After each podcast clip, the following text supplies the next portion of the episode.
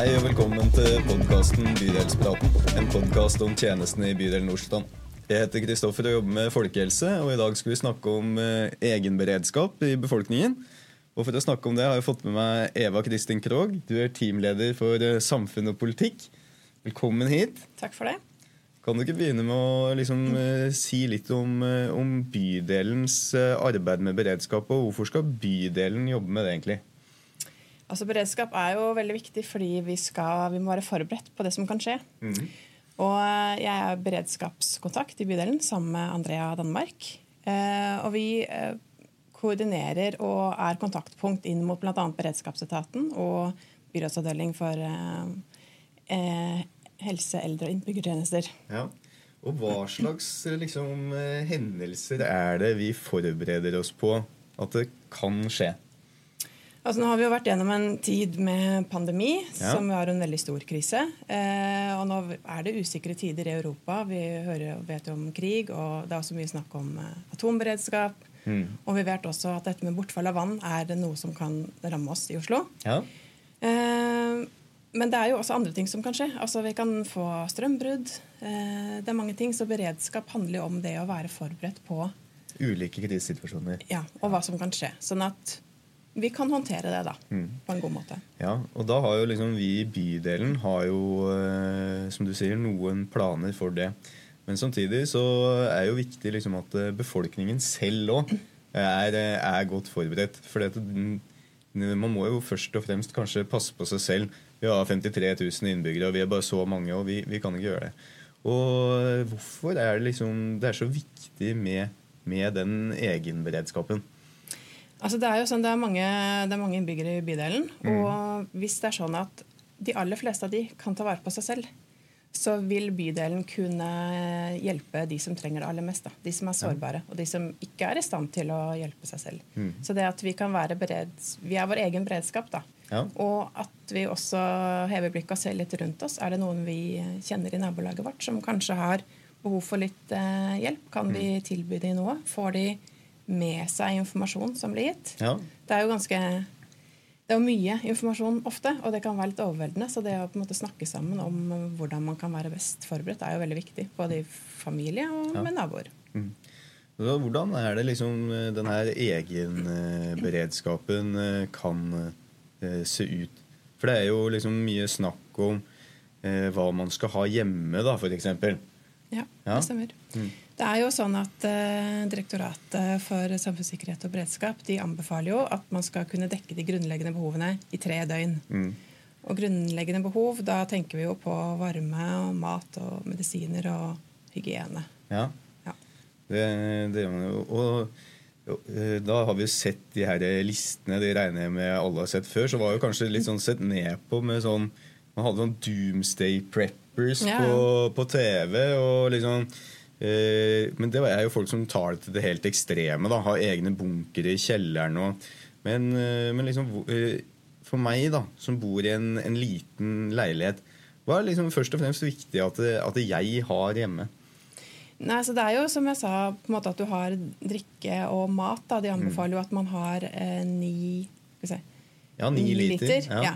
Eh, så Per for- person i husholdningen. Ja. Ja. Eh, og så er det jo også mat. At man har noe som er eh, Det fins jo en lang liste, men gjerne noe da tørrvare. Hermetikk eller havregryn f.eks. Mm. Ja. Og mye altså mye av dette har man jo kanskje Allerede. allerede. Ja. Ja. Og og så sa du at det, det er veldig viktig at man på en måte skal klare seg i minst tre døgn. da. Mm. Eh, Hvorfor eh, tre døgn, egentlig? Nei, altså Det er jo fordi eh, når det oppstår en krise, så er det jo kaotisk, på en måte. Mm. Før man klarer å få rigget i stand noe. Sånn at for eksempel Ja, For tre dager høres jo veldig kort ut, tenker Ja. jeg. liksom. Eh, Ja, det gjør det.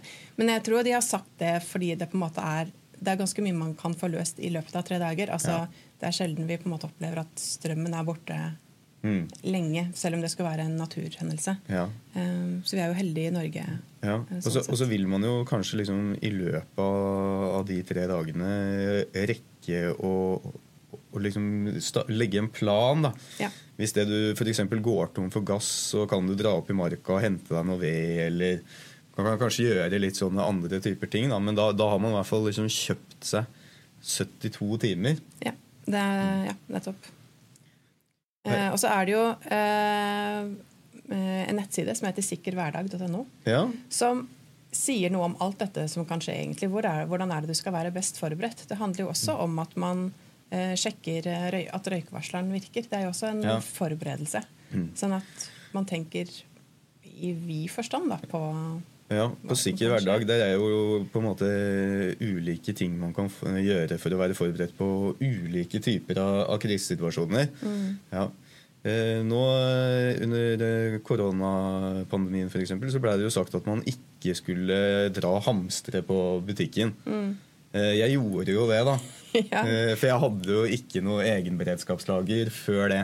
Men, eh, men nå har jeg et, et slags egenberedskapslager. Da. Jeg har nok ikke alt på, på sikker hverdag. Har du fiksa deg dette til din eh, husholdning? Jeg har ikke fiksa meg alt. Det Nei. har jeg ikke. Men uh, jeg vet jo at vi har jo en del mat, i hvert fall. Og så er det dette med vann. Altså det er jo, for det handler jo litt om oppbevaring også. At man skal vite hvor man har det. Eh, og det å ha min familie, da, som består av fire personer, vi skal ha ni liter per, så er det jo det er jo noen vanndunker man skal Ja. ha. Eh, men jeg tenker det er veldig fint å eh, snakke igjen i familien, på en måte. Sånn, hva er det som kan skje? Hvilke varmekilder er det vi har i huset vårt? Eh, Jeg for eksempel har jo vedovn, da. Ja, så jeg tenker sant? jo ikke sant, at det er sånn ja, nei, Hvis strømmen blir borte, så kan jeg lage litt eh, mat på, på vedovnen. Jeg har liksom alltid så og så mange vedsekker i boden. Så jeg tenker sånn, ja, varme det er jeg ikke så bekymra for.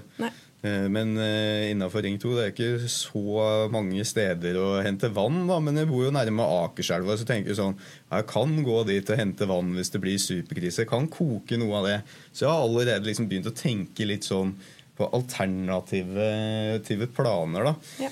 Og det er jo nettopp det man, man sier, da, at man skal tenke gjennom de alternative planene. Mange har jo kanskje også eh, familie utenfor Oslo. Hvis det, noe, hvis det er en hendelse som oppstår i Oslo, da, som gjør at man, så er det jo veldig mange som vil reise ut av Oslo. Ja.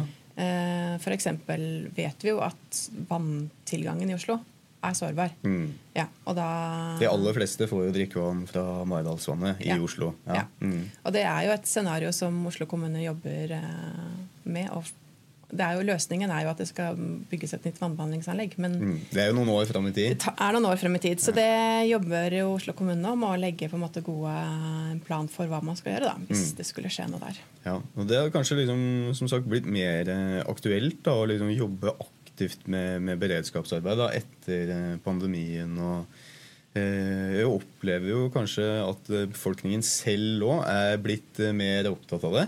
Ja.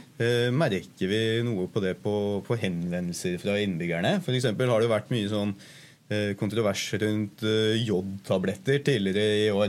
Absolutt. Apotekene ble utsolgt. og Har du opplevd det? At det er flere innbyggere som tar kontakt med spørsmål om beredskapsarbeid? Det, vi fikk jo ganske mange henvendelser da eh, eh, dette ble på en måte veldig aktuelt. da. Det var Ja. mange foreldre som var bekymret for om har barnehagen jodtabletter, og har de med seg de jodtablettene når barnehagen er på tur. Og, ja, sånn at, eh, ja, og som du sa, da, altså apotekene ble tomme. Ja. Uh, ja, så Og det er jo ganske naturlig, kanskje, for det var jo mye skriving om det i media, og folk ble bekymra, rett og slett. For man tenkte at dette var egentlig et usannsynlig scenario i fjor, Ja. og så ble det plutselig reelt likevel. Absolutt. Og det var jo litt det vi så med pandemien Ja. også. Det var vel ingen som hadde, hadde gjetta på en sånn Nei. eh, korona... Det som var med de jodtablettene, er jo at de ble jo delt ut i 2019. Og da, tenkte, da, var man jo ikke, da hadde man jo ikke det så aktuelt som det har blitt nå, da. Men Nei. da var det jo ingen som stilte noe særlig spørsmål ved det. Sånn at um, Jeg tenker det er viktig at vi snakker om beredskap for å ufarliggjøre det. Altså det eh, har blitt veldig aktuelt de siste årene fordi vi har opplevd både pandemi da, og nå krig i Europa. Men eh, det gjelder hele tiden, da. Ja, ja, Det er godt å høre at vi har eh, planer på dette, både for bydelen og befolkningen. Helt til slutt så har jeg lyst til å stille deg et litt eh, åpent spørsmål. for Da var jeg inne på en sånn egenberedskapsside. og Så så jeg at forskning har vist at det godt voksne er flinkere på egenberedskap enn eh, yngre voksne. Eh, Er det mulig å gjøre noen informerte gjettinger om hvorfor det er sånn, helt til slutt? Nei, jeg vet ikke. Kanskje fordi man har eh, levd lenger da, og sett hva som eh, kan skje. Jeg vet ikke. Ja, nei, Ja. Kanskje yngre har litt større tiltro til systemet, men dette kanskje liksom svinner litt hen i løpet av Ja. livet. Jeg, jeg veit ikke. Ja. Nei, eh, Eva, det var veldig fint at du kunne komme og snakke om, om dette. Takk for at du kom. Takk for at jeg ble invitert. Og podkasten Bydelspraten er tilbake om to uker.